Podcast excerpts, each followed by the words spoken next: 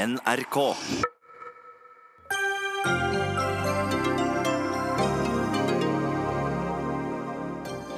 Nye læreplaner skal modernisere norsk skole. De svekker nynorsken i samme slengen, protesterer Språkrådet.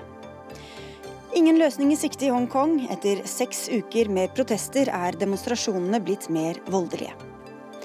Gi arvepelsen amnesti og bruk den, oppfordrer forbruksforsker. Designer Kjell Nordstrøm er helt uenig og viser til signaleffekten. Folk på gata ser ikke om pelsen er ny eller gammel. Og politifolk mener norske ungdommer tror det er lovlig med cannabis, og peker på rusliberalere som årsak. Useriøst, svarer Unge Venstre.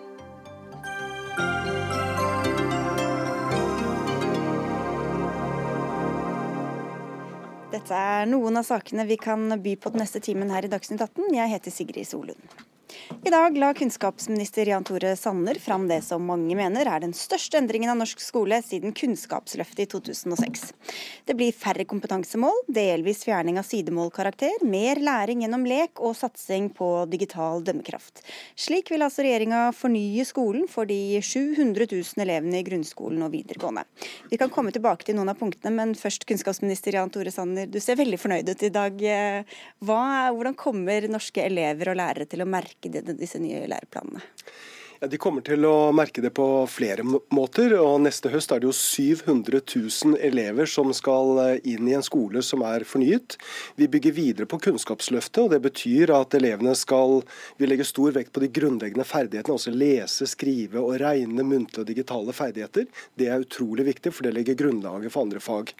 Så ønsker vi at elevene skal få en litt mykere overgang eh, fra barnehagen til skolen. og Jeg er helt overbevist om at eh, man lærer mye også gjennom, gjennom, lek. Det har vi lagt vekt på i de første årene. Eh, og så blir mer, flere fag mer praktisk og utforskende. F.eks. naturfag skal få en mer praktisk side.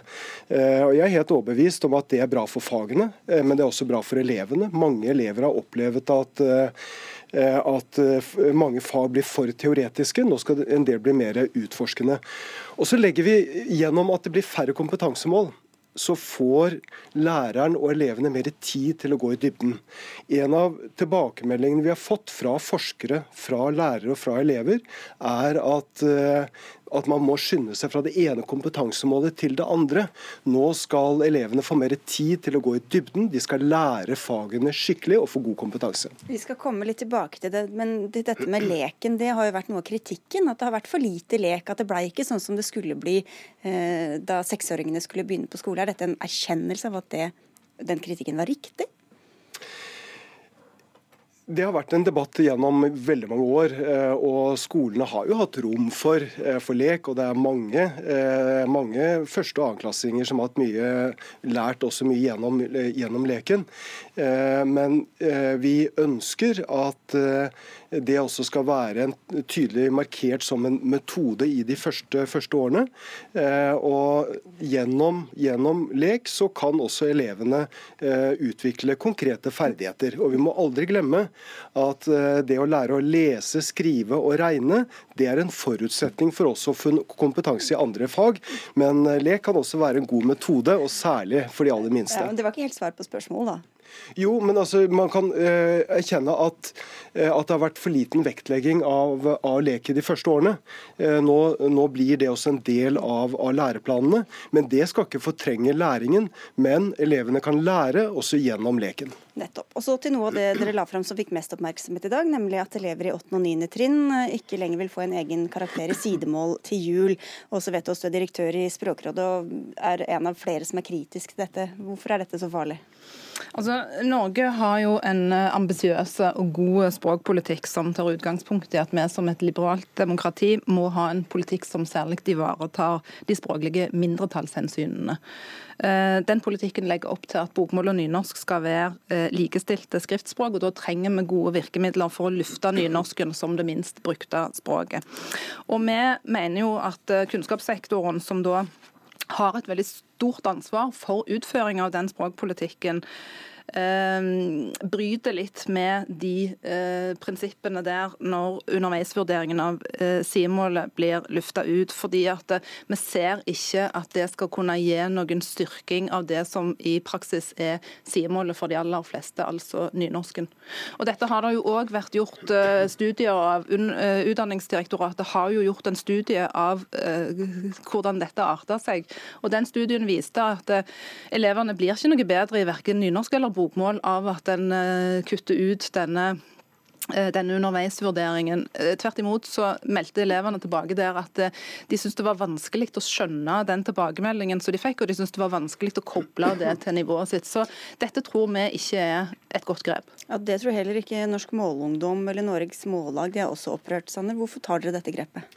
Jeg mener jo at vi gjennom eh, norskplanen så styrker vi eh, også sidemålet eh, gjennom at elevene skal møte både bokmål og nynorsk allerede i annen klasse. Muntlig. I fjerde klasse så skal elevene også ha, ha, trening i å møte de skriftlige tekstene i det som er hovedmålet deres, og i sidemålet. Og Det tror jeg har vært noe av hovedproblemet. Det er at elevene for sent også møter, møter sidemål. Og så er det riktig at vi etter den faglige anbefalingen vi fikk fra Utdanningsdirektoratet og den grundige evalueringen som har vært av det store forsøket, så har vi kommet frem til at eh, halvårskarakteren eh, den skal du ikke få spesifikt i sidemål og hovedmål, men du skal ha én skriftlig karakter i, i, norsk. Men underveisvurdering skal elevene få. Eh, og vi har tydelige forventninger også i det vi nå skriver i eh, vurderingstekstene, at elevene skal få tilbakemelding om skriftlig utvikling, både i sidemålet og i hovedmålet. Så jeg er uenig i at dette bidrar til å svekke nynorsken. Vi legger godt til rette for begge målformer.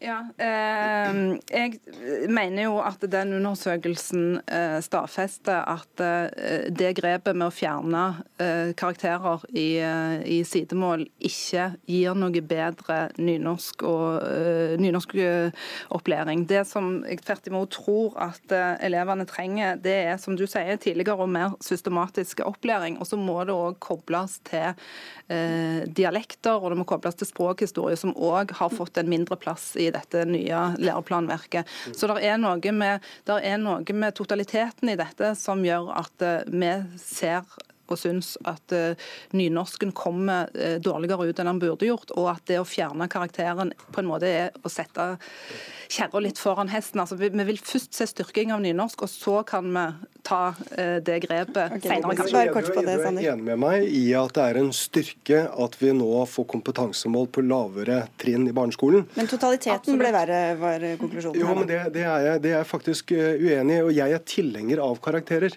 Uh, men det vi nå gjør, det er at i 8. og 9. klasse så skal du få én muntlig og én skriftlig karakter, men du skal få tilbakemelding på utviklingen også i skriftlig sidemål. Og så skal du få tre karakterer i 10. klasse og 3. gym. Og så skal vi til det mer overordnede i planene her. Steffen Handal, du er leder i Utdanningsforbundet, og du representerer de mange tusen lærerne som altså skal sette disse planene ut i livet, og er positiv til dette nye eh, løftet fra regjeringa. Hvilke nye muligheter gir dette til dere som skal stå ute i klasserommene?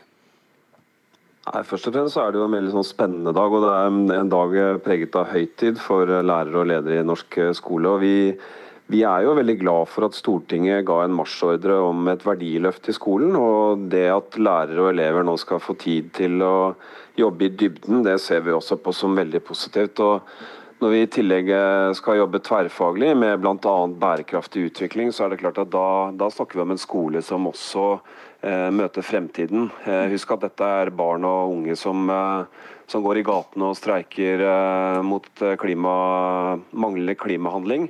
Og det at vi nå skal f.eks. kunne jobbe med det i skolen på en annen måte, det ser jeg veldig frem til.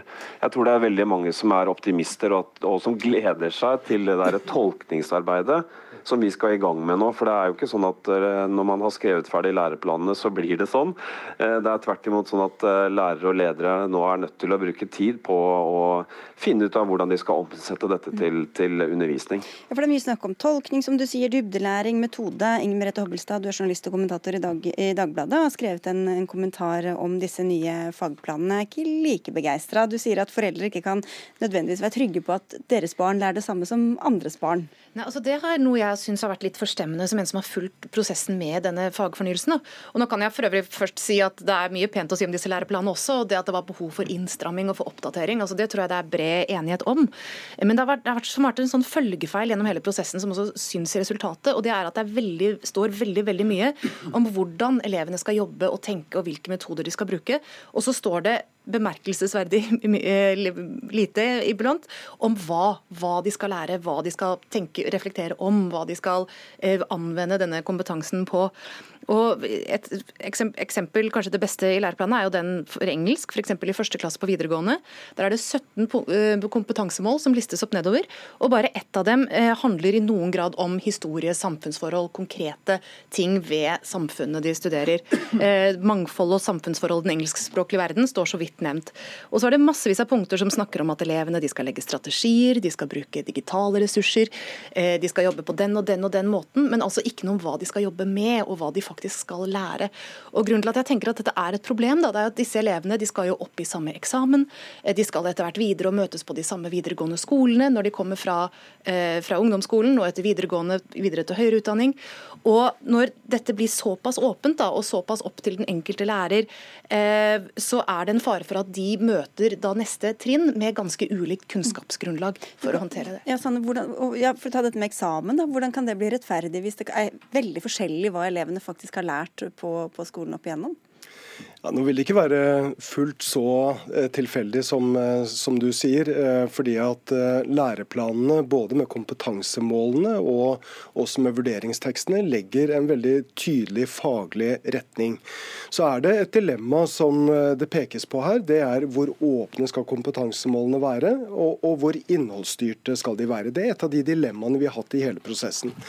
Det at vi har valgt kompetansebaserte eh, mål, eh, det gjorde man også med Kunnskapsløftet i 2006. Slik at vi bygger videre på Kunnskapsløftet. At det er kompetansebasert og ikke innholdsstyrt. Og Når jeg sier at det ikke er innholdsstyrt, så betyr det at det er ikke pensumlister. Det er ikke oversikt over hvilke forfattere man skal lese. Det er ikke ramset opp en masse årstall man skal kunne, men det er en større oppmerksomhet om hva elevene skal kunne, og ikke så mye om hva de skal gjøre. Og så har man da forsøkt å finne balansen i dette. På noen områder så, så nevner vi også konkrete hendelser. F.eks. verdenskrigene, holocaust, 22.07. Det skal elevene kunne. Det, skal, det blir en del av kompetansemålene. Og Så legger vi til rette med en digital eh, læreplanveiviser, hvor det også er god støtte for lærerne. Og så er jeg enig med Steffen Handal, det må jeg få lov til å si, at vi må også ha tillit til lærerne. Nå utdanner vi lærere med masterutdanning. De får godt påfyll med eh, videreutdanning. og Da må vi også ha tillit til at de også kan tolke og utfylle læreplanene og gjøre det aktuelt for elevene. Både holocaust og 22. juli var vel debatter vi hadde her også, hvorvidt det faktisk faktisk skulle være med i disse læreplanene. Ja, og det besluttet jeg at det skulle inn. for det, det, er noen elementer som det er viktig at altså, dette er jo veldig Du skal få komme til Hanna. Skal bare ja. slippe altså, dette er jo ganske ulikt fra fag til fag. altså Det er jo historiefaget til engelsk, altså hvor, hvor konkrete de er. Men jevnt over syns jeg det er pussig at fagene er såpass åpne innholdsmessig, altså flere av dem. Men samtidig er helt sånn pussig spesifikke når det gjelder metoder. da, altså For de skulle jo tro at lærerne også ønsker seg en metodefrihet. Blant annet så det sto i for uh, læreplan for kunst og håndverk for andre trinn på barneskolen at elevene skal forestille seg og beskrive framtiden gjennom tegning og modeller. Som jeg jo syns er et helt merkelig spesifikt krav å legge på lærere igjen. Så det er sånn merkelig blanding av åpenhet og, og veldig liksom rigide krav. Da, og at den åpenheten kan gjøre at sterke lærere kan benytte seg av den friheten, og svake lærere kan, eh, kan legge opp et svakere opplegg. Ja, og, og, jeg kjenner fullt ut at her er det noen dilemmaer. Eh, det er ikke til å legge skjul på. Eh, men til det kompetansemålet du trekker frem, så er jo jo poenget at vi ønsker at en del av de praktiske fagene også skal være mer praktiske og utforskende. Og Det betyr at da kan du ikke være så spesifikk på teorien i de fagene. Da må du også legge noen føringer på at man skal ha en mer utforskende tilnærming til eh, naturfag, til kunst og håndverk, til mat og helse. Men Handal, du kan få slippe inn. Dere skal altså kunne bestemme mye om hva dere vil lære bort, men hvordan det står eh, klart og tydelig i disse læreplanene? Jeg synes Noe av den kritikken som kommer opp her er helt relevant. og Det er noe vi er nødt til å følge med på fremover. og jeg tror Det som er den, kanskje den største tabben her, det er at man ikke har brukt mer tid på å se på vurderingsspørsmålet samtidig, sånn som Hobbelstad er inne på. Og jeg tror i hvert fall Når man snakker om at vurderingen både skal fremme en kompetanse, at den skal fremme lærelyst, og at elevene ønsker å prøve seg frem, så er det klart da trenger både lærerprofesjonen å endre praksis. og jeg tror også Sanner skal ta med seg at vi kan ikke fortsette som før med vurderingen hvis vi ønsker en endret praksis. Så Det er jo et tankekors at uh, den samme ministeren som legger fram disse planene, som jeg egentlig støtter og syns uh, i hovedsak virker som gode grep, at den samme ministeren skal bruke tid på skolebidragsindikatorer og et veldig sånn instrumentelt uh, syn på noe av læringen. Så jeg, jeg tror norsk skole har godt av å se ting litt i sammenheng her og at vi, vi, som er lærere hele tiden får tilbakemeldinger fra, fra bl.a. Eh, journalistene eller fra andre fagfolk om hvordan vi kan eh, gjøre skolen enda bedre. Så jeg skulle ønske meg en mer dynamisk prosess rundt eh, læreplanene i fremtiden. Det tror jeg alle har godt av. Jeg syns jo vi har hatt en veldig dynamisk prosess, men det gleder meg at det fortsatt vil være grunnlag for, for gode skolepolitiske debatter. Jeg er opptatt av det som er skolens doble samfunnsoppdrag. Skolen skal både danne og utdanne. og det betyr betyr at elevene skal lære å lese, skrive og regne. Vi må sørge for at vi løfter de skolene som blir hengende etter. Derfor må vi også ha en oppmerksomhet på de grunnleggende ferdighetene. Men så er det viktig at Jeg er helt enig, men jeg har lyst til å utfordre Sanner på en ting. fordi De lokale skolemyndighetene som nå skal eh, sørge for at disse læreplanene kan bli en realitet. Jeg skulle ønske at han også, sammen med meg, bidro til at de forpliktet seg til å rydde plass til det arbeidet som nå vi skal i gang med ute i Skole-Norge. Det er altfor mange skoler som fortsetter som før, og lokale skolemyndigheter som prioriterer andre ting enn det vi er enige om at nå skal være det viktigste. Det så jeg håper at han kan hjelpe meg med det. det skal jeg gjøre, fordi det var et av hovedbudskapene mitt, min i dag. At nå er det ni måneder til skolene skal ta imot 700 000 elever som skal møte en skole med et fornyet innhold. Så Derfor har jeg en veldig tydelig forventning om at skoleeierne, dvs. Si kommuner og fylker, sammen med skoleledere og lærerne, nå rydder plass og finner rom til å forberede seg til å ta de nye læreplanene i bruk. Og så har du gitt oss nok å diskutere i flere måneder framover, så takk for det, Jan Tore Sanner. Og takk også til deg, også vet oss fra Språkrådet, Inger Merete Hobbelstad fra Dagbladet og Steffen Handal fra Utdanningsforbundet. Dagsnytt 18 alle hverdager klokka 18. På NRK P2 og NRK2.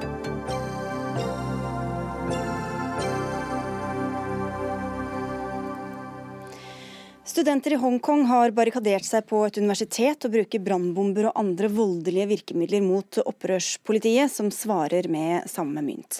I Søndagsrevyen i går så vi deg i dramatiske bilder fra dette okkuperte universitetet, korrespondent Kjersti Strømmen.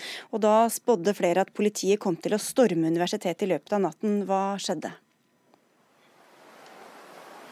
Ja, De gjorde et, det som virka som å være et forsøk på å storme universitetet. De eh, tok seg jo inn på området og klarte å arrestere flere personer.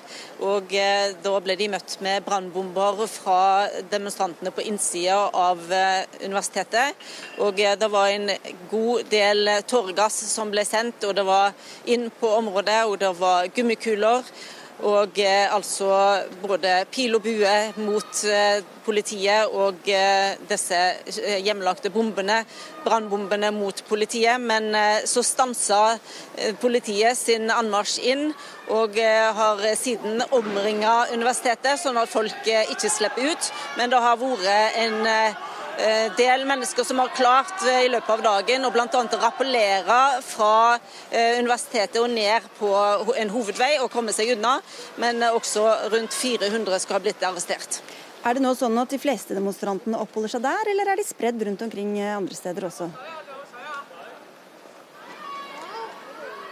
Inne på universitetet så skal det ha vært eh, i går rundt eh, ja, 400-500 mennesker. Så akkurat hvor mange som er igjen der inne nå, det vet vi ikke. Vi har eh, fått lyte i dag at rundt 100 av de var ungdomsskole, eller er ungdomsskoleelever. og Rektorer og foreldre har i dag bedt politiet om å slippe disse ut.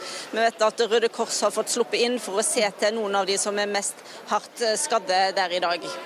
Og så er det, det, det, Disse demonstrasjonene har jo pågått i mange måneder, og kravene har endret seg litt underveis. Hva er det de vil oppnå nå?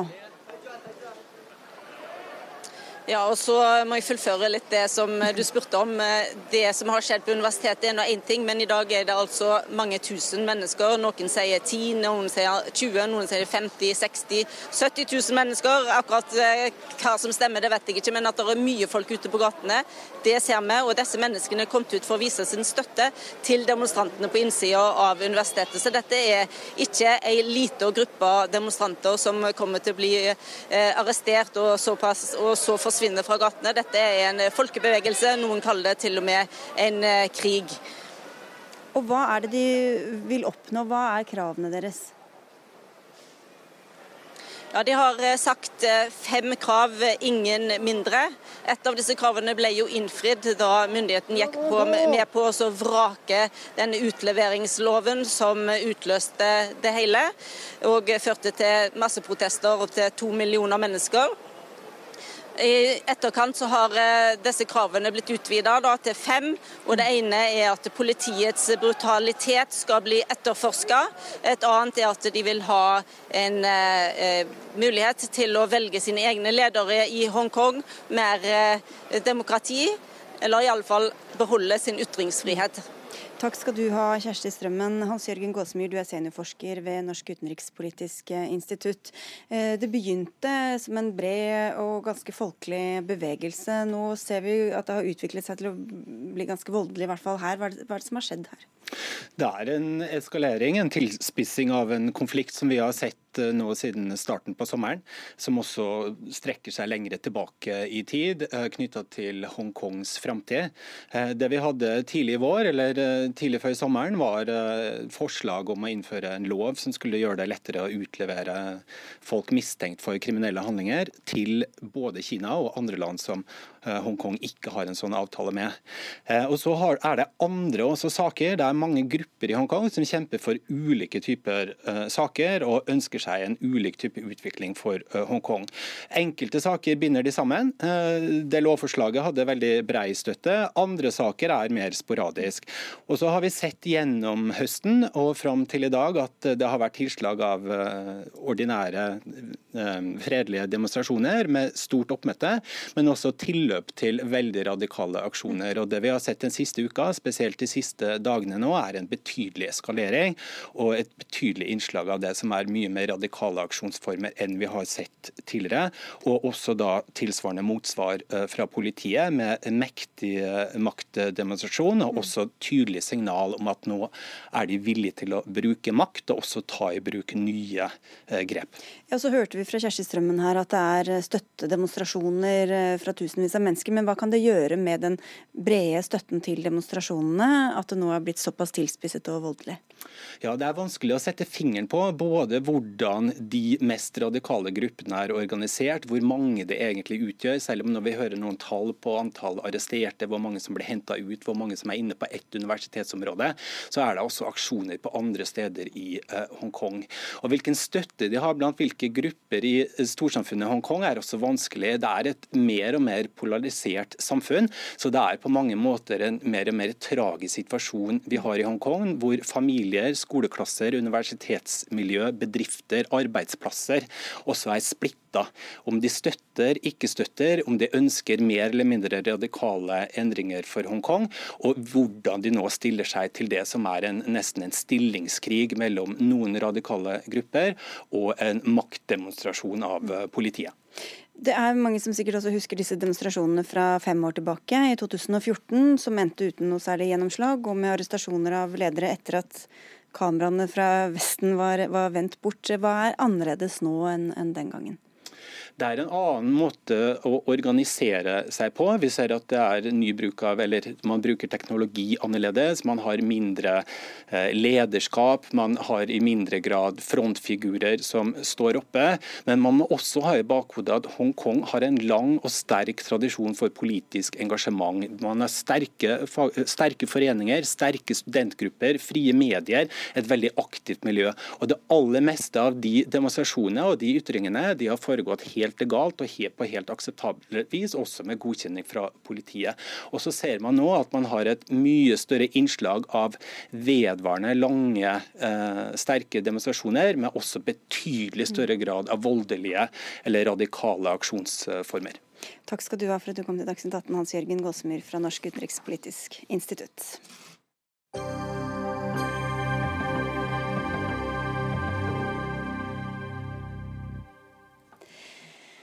Snart skal vi diskutere cannabis her i Dagsnytt 18, og om norske ungdommer er blitt påvirket til å tro at det er lovlig å bruke.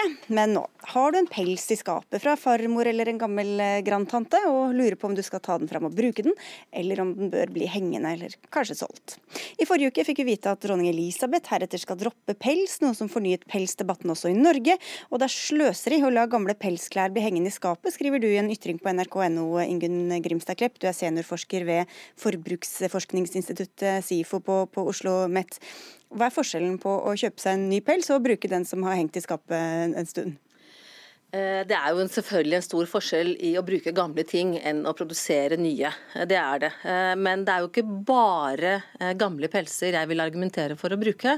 Jeg argumenterer jo, eller jeg og Tone Skårdal Tobiassen, som har skrevet denne kronikken sammen, vi argumenterer jo også for å bruke andre døde dyr, som altså da allerede er døde av forskjellige grunner. Og, og de utgjør en ressurs, og vi burde i anstendighetens navn og av hensyn til klima klima og miljø og ta vare på ressursene våre mye bedre. Mm. Både da brukte klær og brukte andre ting, og de naturressursene som vi ellers rår over. Det er ikke alle som er helt enig i det. Kjell Nordstrøm, du er designer og du er en av grunnleggerne av Mote mot pels. Bruke denne gamle pelsen som uansett henger i skapet. Hva, hva syns du om det? Først vil jeg si at jeg er enig med veldig mye av det Ingunn sier. For vi skal kjøpe mindre nye plagg. Vi skal bruke det som allerede har blitt produsert. Og vintage har jeg, jeg har undervisat i redesign i 15 år. Jeg applauderer vintage og redesign for alt hva det er verdt. Men når vi snakker om pels, så snakker vi om litt andre ting. For vi snakker om dyreplageri. Og jeg syns at vi ofte mister fokuset når vi snakker om pels. Jeg syns pels er et vakkert materiale også, men jeg syns dyreplageri er helt grusomt. Og jeg er litt Altså jeg reagerer litt på det her når man sier at en gammel pels, ja da er den OK. Det er litt som å si at dyreplageri for 20 eller 30 eller 40 år siden, ja det var greit. Men, men ny pels i dag, det er ikke greit. Jeg reagerer også litt på og Du snakker om amnesti. Det er litt som, som å si at ja, du, hvis du plaget dyr for 20 år siden og det bare bytter eier, så er det på en måte, da er det helt OK. Og da tenker jeg litt så her at, at ja, det blir, Når blir noe også vintage? Er det sånn at hvis du har dårlig samvittighet for at du har kjøpt en pelskåpe, leverer den fra deg på Fretex og noen annen kjøper den, ja, da er det plutselig vintage, for da er det vintage. Da er det second hand. Ja, da skal man på, på måte, da trenger du ikke ha noen samvittighet. Og så en tredje ting, det er, som kanskje er det viktigste, det er så at hva slags signaler sender du ut når du bruker pels? Jeg skjønner hva du tenker på, at gamle ting skal brukes, at det er viktig. Jeg er helt enig i det. Men om du går med en pels så vet ikke jeg om den er gammel eller ny, mm. men jeg vet at den er et produkt av dyreplageri. Ja, Det er sikkert mange som er uenig i det også. Alle pelsbøndene vil jo si at det slett ikke er dyreplageri. Men for dem som er mot pels i utgangspunktet, da, eh, hvilket signaleffekt sender det ja, å gå altså, med denne gamle pelsen? For det første så er det veldig mye pels som ikke er pelskåper. Det vil jeg liksom få med her. Altså, det er masse ny pels på dusker og luer og kanter og, og anorakker for tiden og, og sånt noe. Og mye av dette er fuskepels, eh, og altså kunstig. Um, og de vil jo ikke kunne se forskjell på en fuskepels og en pels, og heller ikke på en ny pels og en gammel pels. Sånn at man må simpelthen skille mellom produktet uh, og produksjonsmåten. Uh, og det å si at all pelsbruk er eh, galt, mener jeg altså det er feil. Ressursmessig. Eh, også fordi at denne, denne signaleffekten eh, den, den, vil jo like, like mye eh, være et argument mot bruk av eh, fuskepels da, som mot da, ekte pels. Ja, men for dem som, altså Hvis du tenker på ektepelsene, altså, som, som er laget av bitte små lammefår foster eller nyfødte lam f.eks. For, for 100 år siden eller 70 år siden. liksom. Eh, jeg har glemt hva de heter, disse persianerne. Ja, ja. Hva slags signal sender det å, å, gå rundt med sånne pelser, som helt tydelig da, er, er, kommer fra dyr? Eh, ja, altså eh, Det å ikke bruke et dyr som allerede er dødt, er jo ikke nødvendigvis en respekt overfor det dyret.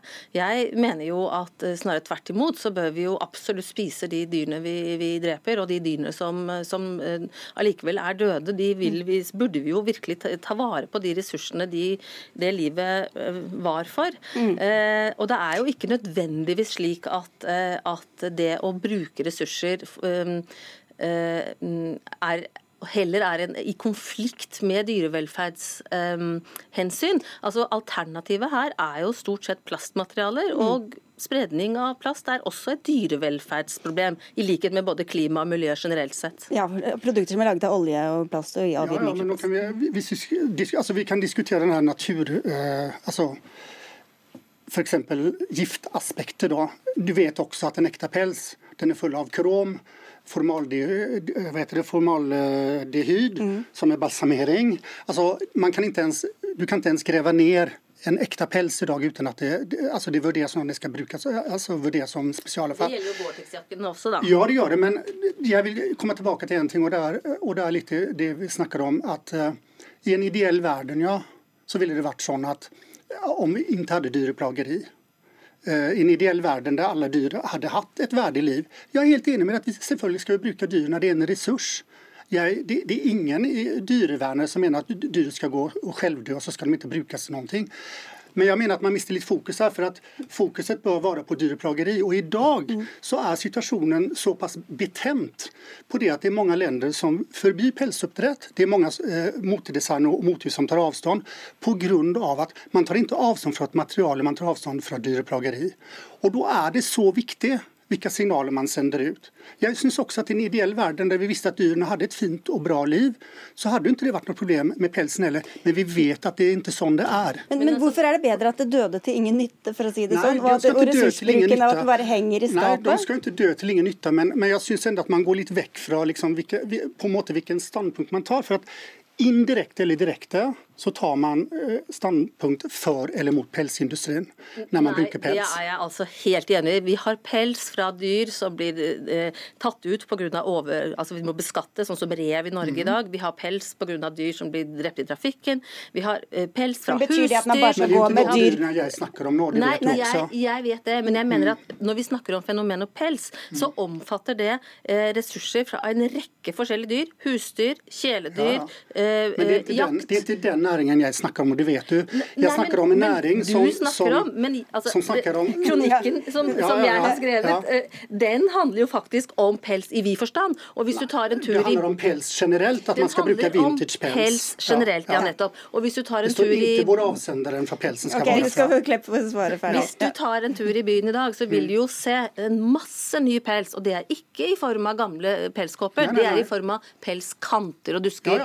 Eh, og hvis man skulle gjøre noe med det du diskuterer, så er det jo nettopp ikke pelskåpen, men disse kantene som er, eh, som er men, eh, men, men, men, ut fra det du sier, betyr det at man, skal, man, kan gå med pels hvis man vet at dyret har hatt det bra, men hvis man vet at det ikke har hatt det bra, så skal man ikke gå med ja, det? Nettopp. Og Selv om det er en gammel pels? Ja, og sånn burde vi jo forholde oss til dyr og bruk av dyr generelt. At alle de dyrene som, er i, som vi tar, skal vi si, um, herser over, hersker med eller har i våre, våre hus og, og, og gårder, de bør behandles eh, godt. Og vi bør utnytte dem best mulig. Men Hvordan er det å utnytte det og la den bli hengende i skapet, selv om man vet at det, det dyret egentlig var Det er veldig dårlig ressursutnyttelse. Ja, så selv når dyr, har hatt det dårlig, så bør man bruke den jeg mener det. Ja. Okay.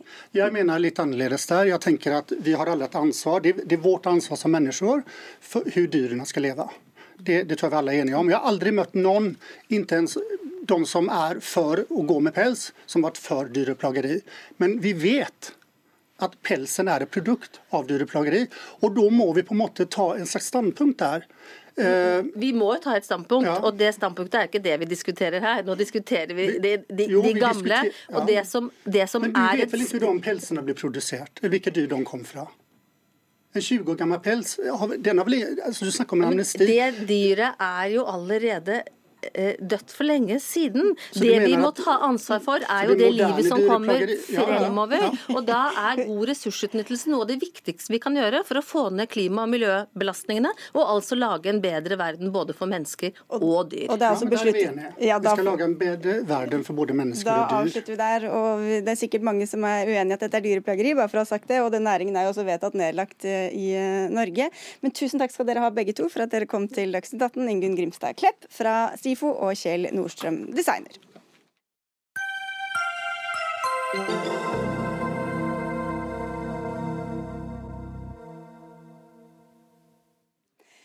Små bedrifter synes offentlige etater for ofte stikker kjepper i hjulene på dem og vil ha færre tidkrevende tilsyn.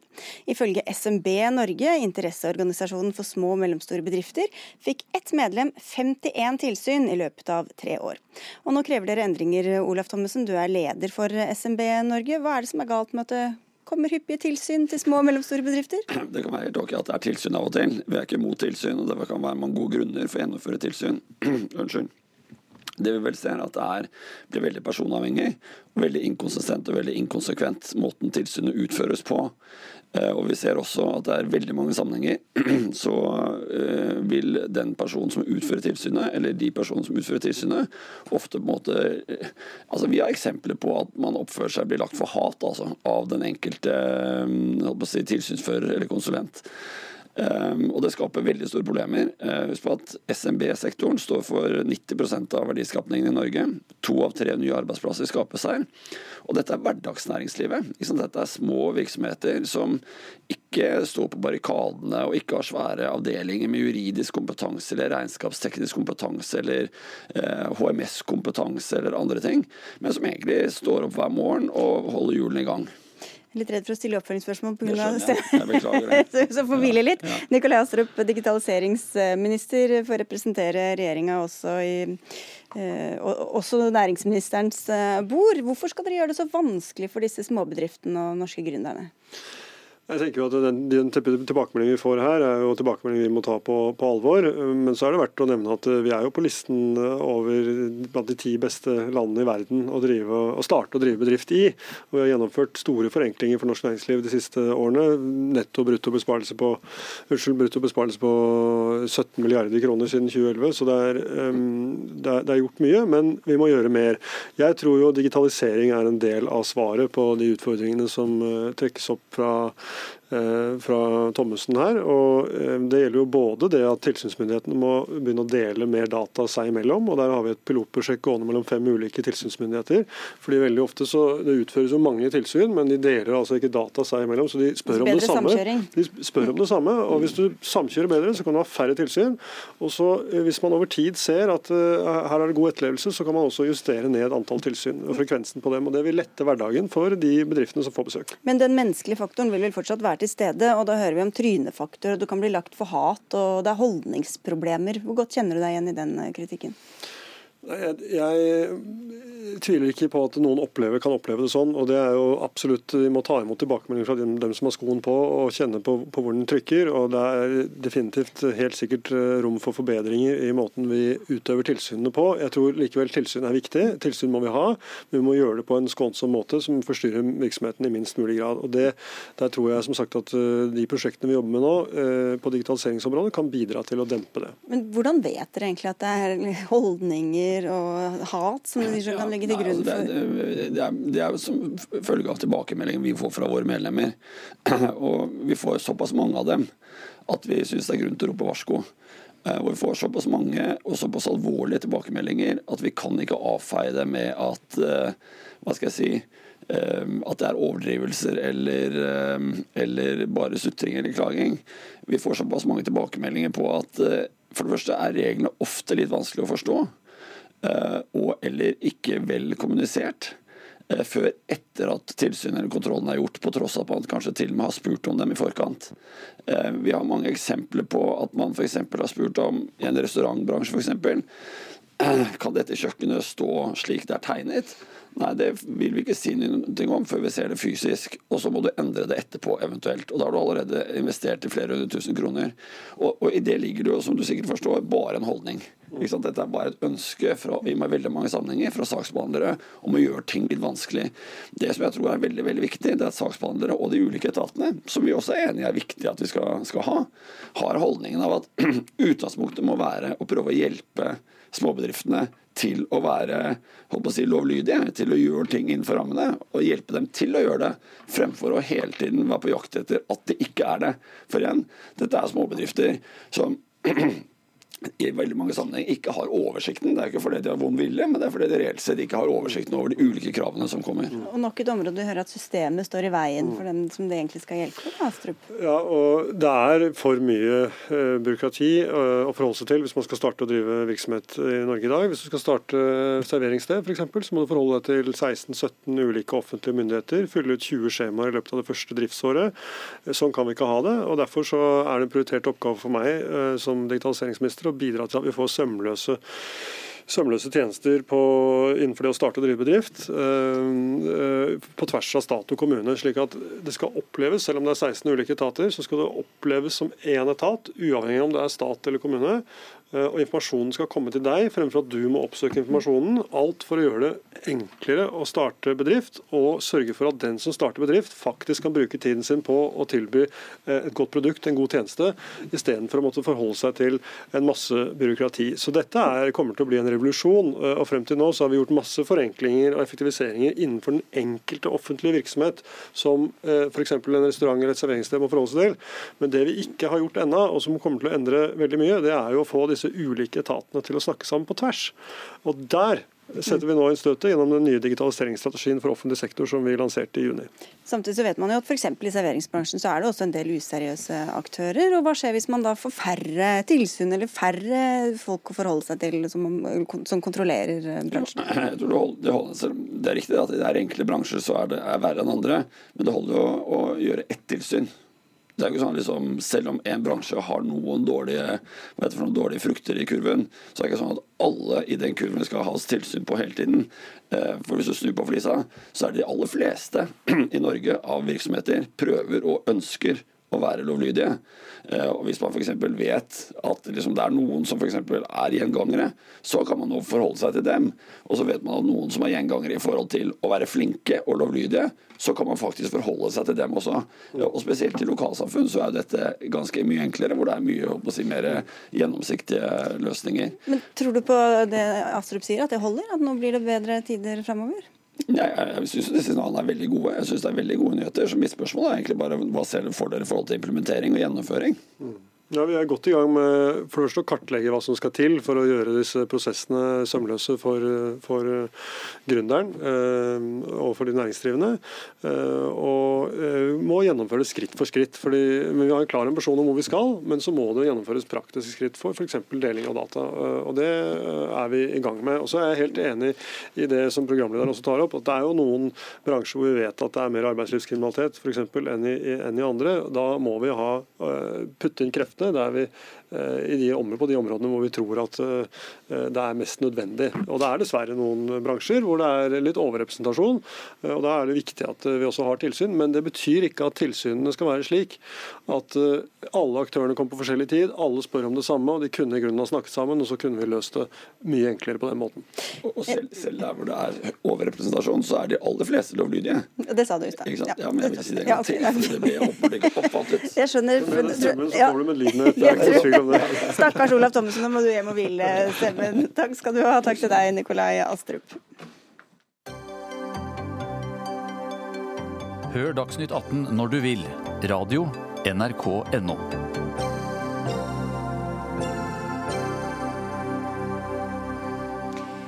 Norske ungdommer tror at cannabis er lovlig og blir overrasket når de får høre at det ikke stemmer, sier flere politifolk til NRK Sørlandet. Og får støtte av den uavhengige interesseorganisasjonen Norsk Narkotikapolitiforening, hvor mange politifolk er medlemmer, og hvor du er styreleder, Jan Erik Bresil. Men hvor mange mener dere egentlig at dette gjelder, som altså tror at det er lovlig å bruke cannabis i Norge? Nei, vi ser at Når det gjelder mange ungdommer som våre medlemmer møter, så mener de at det er mer og mer ufarlig. Vi møter flere ungdommer som tror at det skal bli ulovlig, altså unnskyld, at det skal bli lovlig. Og så har vi også flere ungdommer som faktisk tror at det er lovlig nå. Pga. den situasjonen vi står i. Men det er en oppfatning, det er ikke noe undersøkelse eller det er ikke noe tall på det? eller? Dette er ikke noen oppfatning, men det er en oppfatning som styrkes gjennom samarbeidspartnere, f.eks. Korus og andre som møter ungdommer i det forebyggende arbeidet. Og I denne nevnte saken så er det flere som peker på at dette kan delvis skyldes eh, rusliberale politikere og organisasjoner. Hva er sammenhengen her, mener dere? Nei, sammenhengen her, Det er jo ikke alene politikere eller alene noe, det er jo en helhet her. Nå ser vi jo en legaliseringsbevegelse drevet av en eh, stor industri borte i USA. Det produseres masse medieomtale og reklame. Vi har en filmindustri, vi har en TV-industri. Det er mye i tillegg til debatten som foregår. Og det Vi er opptatt av er at vi skal gjerne ha debatt. Ytringsfrihet er supert. Og diskuterer også gjerne legalisering, men vi er nødt til å være klar på eh, hvor er det vi er på vei, og hva er det vi ønsker å gjøre for våre norske ungdommer. Mm. Ja, Sondre Hansmark, leder for Unge Venstre. Kan det være at dere villeder eller forvirrer norske ungdommer?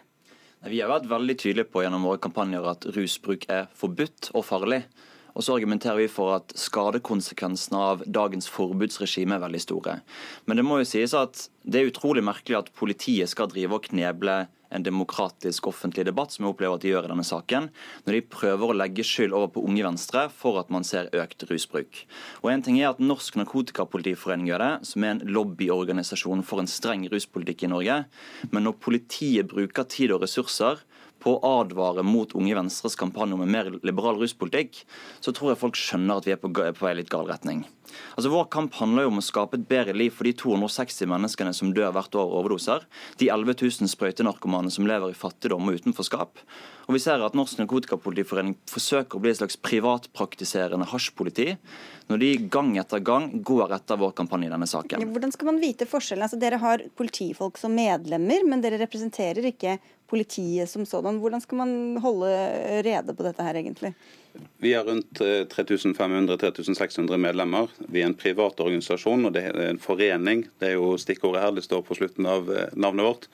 Og Våre medlemmer de bryr seg faktisk såpass mye at de jobber frivillig med forebyggende arbeid på sin fritid også, gjennom f.eks. Bry deg som er en kampanje vi har. Og Det som vi syns er utrolig viktig her, er jo at det er ingen som har kneblet eller sier at vi ikke skal ha debatt, men vi mener at det er utrolig viktig at voksne rollemodeller, politikere, er sitt ansvar bevisst. og Derfor er jeg veldig glad for at statsministeren, Erna Solberg og helse, eh, ikke helseministeren, men eh, Sylvi Listhaug har da gått ut, folkehelseministeren, mm.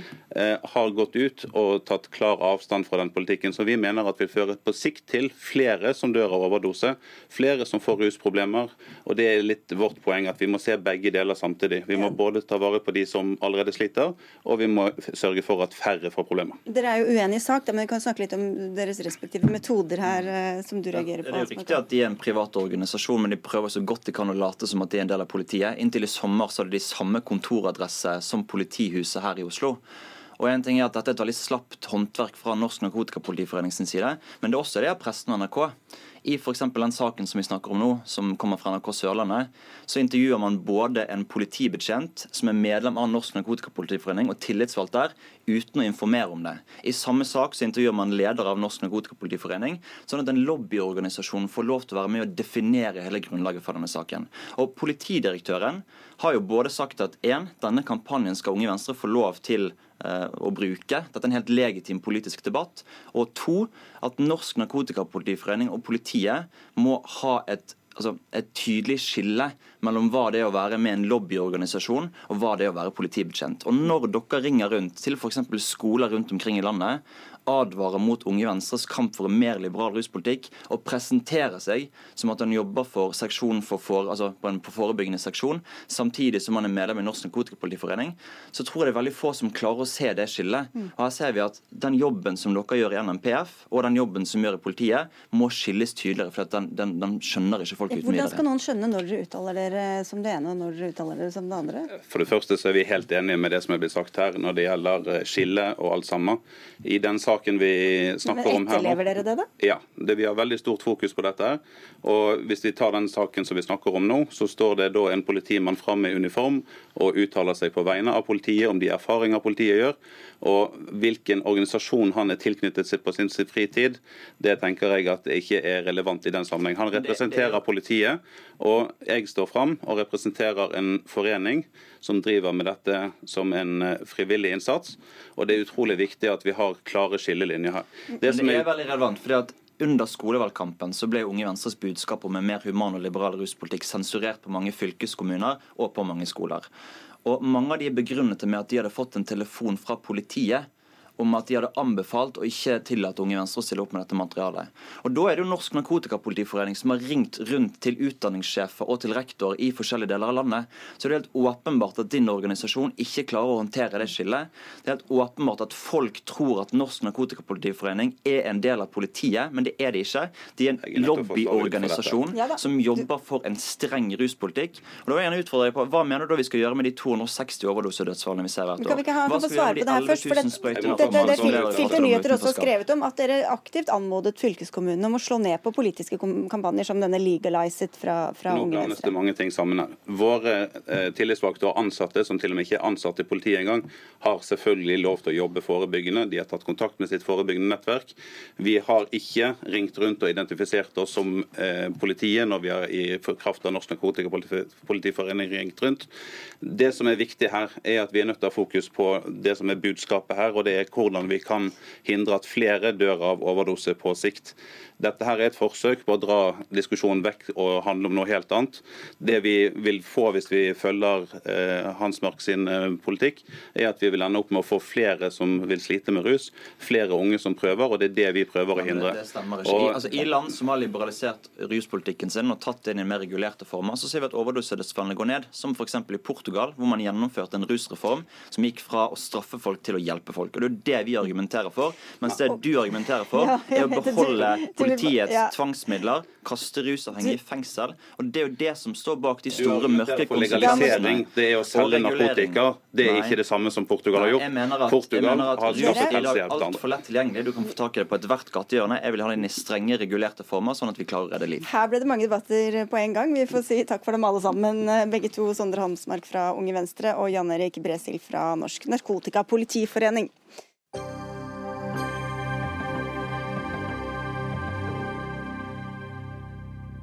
For de fleste er det litt tidlig foreløpig, men plutselig er tida her, og så er det av gårde for å kjøpe juletre. Ifølge Landbruksdepartementet kjøpte nordmenn rundt 1,4 millioner juletrær i fjor. Men til tross for at Norge jo er et treland, så kom mange av juletrærne fra andre land. Derfor oppfordrer departementet for fjerde år på rad til økt juletreproduksjon i Norge, og det er særlig denne fjelledelgranen som er i vinden. Men økt produksjon er lettere sagt enn gjort, skal vi tro deg, Kjersti Rinde Omsted. Du er juletreprodusent, medlem i Norsk juletreforening, medlem i Hedmark Bondelag og daglig leder i Oppaker gård AS. Og du sier til Nasjonen i dag at det tar hundrevis av timer med søknader, lobbyvirksomhet og annet arbeid for å komme i gang med juletreproduksjonen. Hvor vanskelig er det å bli juletreprodusent i Norge i dag? Ja, det, er, eh, det, er, klart det er stor forskjell på hvor man befinner seg i landet.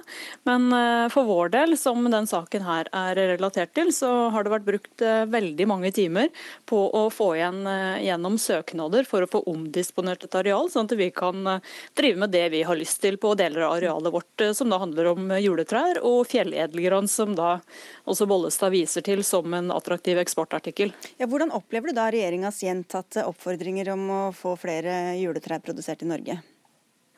Altså jeg oppfatter eh, regjeringas utspill positivt, og at de ønsker eh, at eh, vi skal kunne, kunne, få til det her som en eksportartikkel.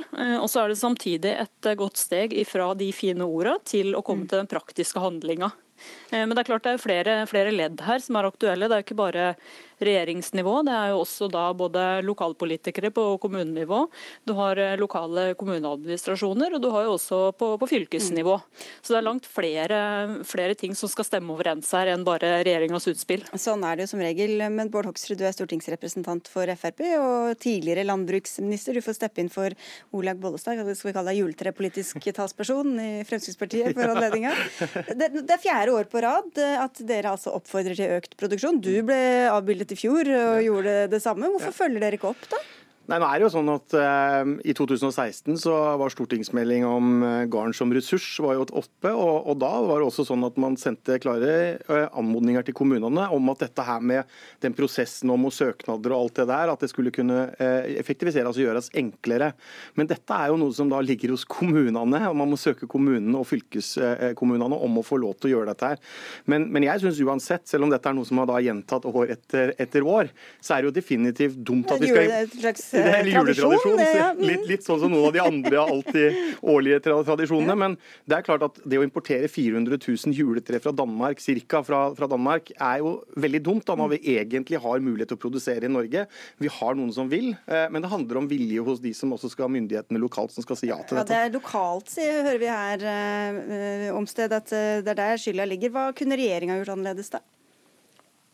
Ja, det er sikkert, eh, Vi skal ikke legge skyld på noen her i saken, i det hele tatt, men jeg tror det er viktig at man har veldig tydelige signaler. og Det som er, er en del av utfordringa, er jo det med, med, omdisponering. Om det er eh, noe som faktisk er reversibelt i forhold til, til jordvernet. Og så man jo, står man jo også veldig sterkt på det at på, på, matjord så skal det produseres uh, mat. Men det er jo ikke noen noe motsetninger mot å produsere mat. For sånn som vi bl.a. gjør det nå på juletrefeltet som vi gjør, så har har vi også da beitende sau som landskapspleiere i, i juletrefeltet. Så det er jo masse kombinasjoner her som også kan gjøres som ivaretar flere interesser. Ja, men disse innsigelsene, nettopp som, som, du sier, altså, kan det jo være fordi at man vil bygge ned matjord eller disponere våtmarksområder eller andre naturhensyn som blir lagt uh, vekt på. Skal man sette det til side for et produkt som man bruker i to uker i løpet av et år?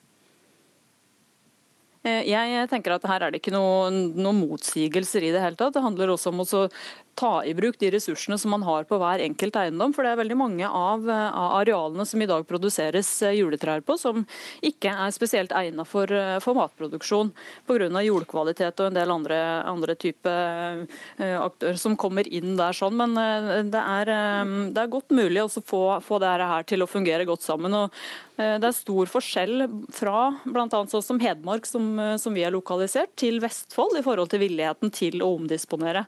Eh, og Det kan jo bygge opp langt flere arbeidsplasser i en kommune ved å ha juletreproduksjon, kontra å ha f.eks. ha korn på arealet. Så Det har jo også mye å si for skatteinntektene til, eh, til lokale kommuner. Ja, du ser for deg dette som et stort eh, eksportprodukt, eh, Hoksrud? Ja, I hvert fall når jeg var i fjor som eh, landbruks- og matminister, så var jeg i Vestfold og pratet med de der. og det er klart at Dette er attraktivt også andre steder, også på utsida av landets grenser, å, å kjøpe eh, norske juletrær. Så det er jo et potensial her og mulighets, mulighetsrom som jeg syns er positivt. Eh, og så skjønner jeg og har stor forståelse for de eh, bekymringene som de som prøver å få dette til. og Det er liksom motstridende.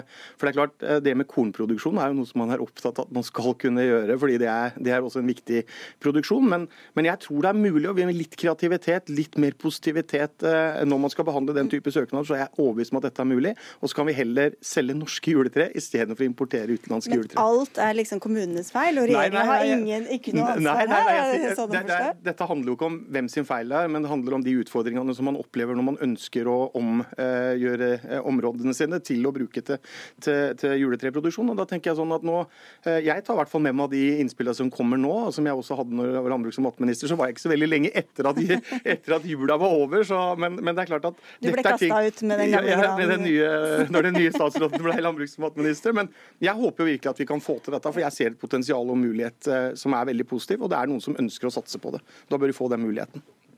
Hva hadde du savna fra, fra Hoksrup, både fra storting og, og regjering eh, Omstedt, som, som, de kunne gjort det lettere å omdisponere mm, til, til juletreproduksjon? da? Altså, en, ting er jo selve omdisponeringsbiten, en annen ting er jo den, eh, de rammene som ligger til grunn for å kunne lykkes innenfor den næringa. Sånn. Og det er jo bare å innse at det flesteparten av de som driver innenfor juletrenæringa, eller en veldig stor grad av det, de begynner å nærme seg pensjonistalder. Eh, og det er eh, et ganske stort generasjonsskifte som både har starta og som er i ferd med å, å, å starte her. Og Da, det, da, da, kommer det nye folk inn, eh, og det er noe med å se eh, langsiktige muligheter innenfor næringa. Eh, ha forutsigbarhet er ganske vesentlig. Samtidig så trengs det også gode rådgivningstjenester. For det, skal man kunne få til en, en eksportartikkel av norske juletrær, hovedsakelig da fjelledelgran, som har et kjempepotensial, så må man også ha en, en god rådgivningstjeneste innenfor norsk juletre. Både for å kunne få, få med nye, men også for å få med yngre generasjoner til å ville satse på det. og Det tenker jeg det er en nøkkel for å få den næringa opp og stå sånn som den egentlig fortjener. Og i mellomtiden så får dere oppfordre til å kjøpe norsk eh, Barnhagsrud. Ja, absolutt. Og jeg skal videre alt jeg kan. Og Fremskrittspartiet er ikke de som er eh, negative til å kunne få til dette her. Så det handler om å, om å ha positivitet hos de som skal behandle disse søknadene. Takk skal dere ha begge to, Bård Hoksrud fra Fremskrittspartiet og Kjersti Rinde Omsted, som også er bl.a. Eh, daglig leder i Opaker gård AS. Dagsnytt 18 er over for i dag. Dag Dørum, Lisbeth Seljereite og jeg, Sigrid Solund, takker for oss og ønsker en fin kveld.